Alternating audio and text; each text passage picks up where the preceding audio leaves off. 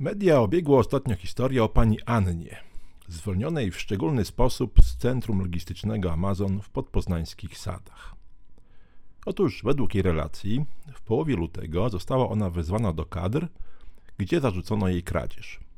Pracownicy firmy nie podali szczegółów i odmówili przejrzenia zapisów monitoringu.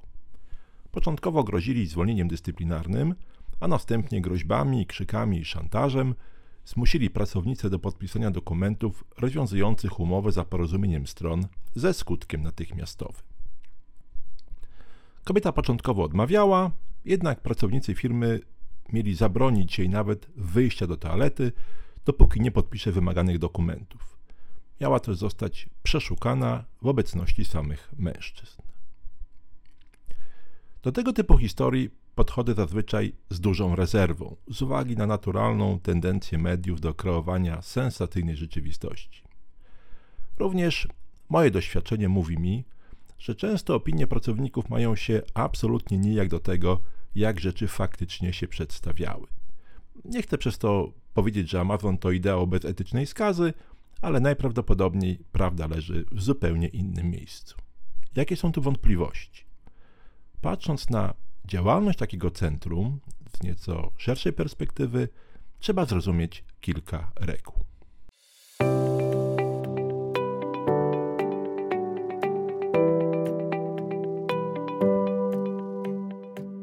To jest kolejny odcinek mojego autorskiego podcastu Jak być dobrym menedżerem.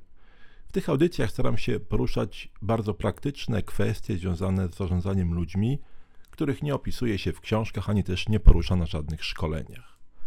Odcinków można słuchać również na popularnych platformach Spotify, Apple Podcast czy Google Podcast. Linki są w opisie. Komentujcie, subskrybujcie, oceniajcie i udostępniajcie, bo to po prostu pomaga rozwijać ten kanał. A jeżeli ktoś chciałby mieć w ręku jakiś szerszy materiał, to gorąco polecam nabycie mojej książki Jak być dobrym menedżerem. Ona w większości opowiada o tym, jak kierować ludźmi, żeby obie strony miały z tego korzyść. Wersję papierową albo e-book są dostępne na mojej stronie hotelhotelmikecharlie.pl i tam również można pobrać bezpłatny fragment i samemu ocenić, na ile treść książki jest interesująca. Zarządzanie dużym magazynem detalicznym, czyli w tym przypadku obsługującym sprzedaż e-commerce, jest trudne. I dotyczy to w szczególności zarządzania ludźmi. Specyfiką e-handlu jest to, że w ciągu roku podlega on dużej sezonowości. Różnice pomiędzy najsłabszymi sprzedażowo miesiącami w roku, a pikiem obrotów to często nawet kilkaset procent. Plan sprzedaży zazwyczaj opracowuje się dość szczegółowo, ale z punktu widzenia centrum logistycznego należy go przełożyć na proces magazynowy. O ile możemy w pewnym uproszczeniu założyć, że w obszarze pobrań i wydań towarów obciążenie pracą w danym okresie będzie mniej więcej odpowiadało planowanemu wolumenowi obrotów, to w przypadku dostaw i składowania zwiększona aktywność następuje wcześniej, ponieważ przed wysokim poziomem sprzedaży towar należy zgromadzić.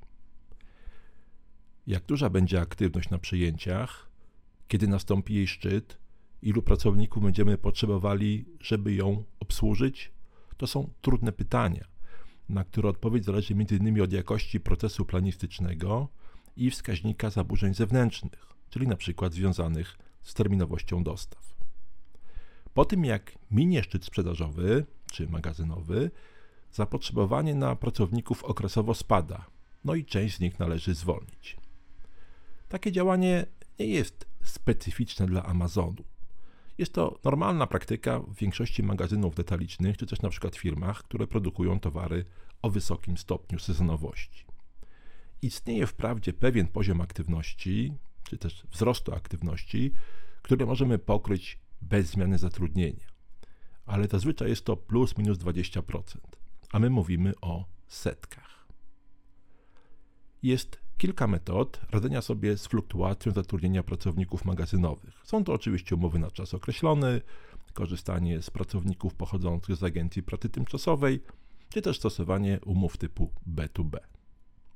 Inną sytuacją jest kwestia redukcji zatrudnienia, która wynika z cięć kosztów. W tym przypadku mówimy najczęściej o zwalnianiu pracowników zatrudnionych na umowy stałe, czyli umowy na czas nieokreślony. I mamy tutaj dwie możliwości. Wypowiedzenie umowy na przykład z powodu likwidacji stanowiska albo porozumienie stron. Oczywiście firma preferuje wersję drugą, z uwagi na to, że to z reguły bezproblemowo kończy proces redukcji. Twarde wypowiedzenie umowy oznacza często, że pracownik kieruje z pozew do sądu pracy. Wprawdzie, jeżeli przy takim zwolnieniu nie zaszły jakieś rażące niedbałości ze strony firmy, no to pracownik przegra. Ale dla pracodawcy są to prawie zawsze jakieś koszty, no i stracony czas. Propozycja porozumienia stron jest przeważnie określona jakimś ekstra bonusem, na przykład jedną pensją więcej w ramach odprawy. I tak na marginesie to pracownicy są na ogół nieświadomi tego, że w zasadzie mogą tutaj teoretycznie żądać dowolnych rekompensat. Jest to bowiem typowy proces negocjacyjny. Jestem również niezmiernie ciekaw, czy związki zawodowe obecne w Amazonie prowadzą jakiekolwiek działania szkoleniowe czy edukacyjne wśród pracowników, jak się właśnie w takich sytuacjach zachować. Nie wierzę również w straszenie pracowników zwolnieniami dyscyplinarnymi przypadkach, kiedy do takiego przewinienia nie doszło. Taki blef praktycznie zawsze skończy się w sądzie pracy, gdzie firma po prostu przegra. Poza tym takie postępowanie może być także przedmiotem sprawy karnej, a nie spodziewam się, żeby jakakolwiek korporacja tolerowała oficjalne procedury, które w sposób oczywisty łamią prawo. Praca w Amazonie niesie ze sobą ryzyko zwolnienia, pewnie większe niż w centrach logistycznych innych branż.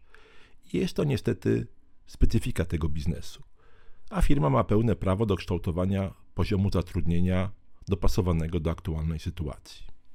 Proces zwolnień może odbyć się jednak całkowicie pod kontrolą firmy albo w jakikolwiek sposób w porozumieniu ze związkami zawodowymi, które mogą, a nawet powinny wywalczyć dla zwalnianych jak najlepsze warunki. Czy tak się dzieje? Nie wiem.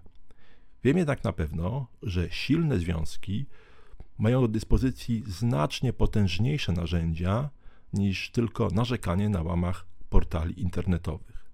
A jeżeli związki są słabe, no to znaczy, że pracownicy nie czują się zagrożeni przez firmę i nie widzą interesu, żeby do nich przystąpić. Zapraszam do komentowania, jestem ciekaw Waszych opinii, spostrzeżeń i ocen. O tym, jak zwalniać ludzi w sposób cywilizowany, piszę w części poświęconej relacjom z podwładnymi w mojej książce Jak być dobrym menedżerem. Polecam kupno wersji papierowej albo e-booka. Zapraszam na następne odcinki.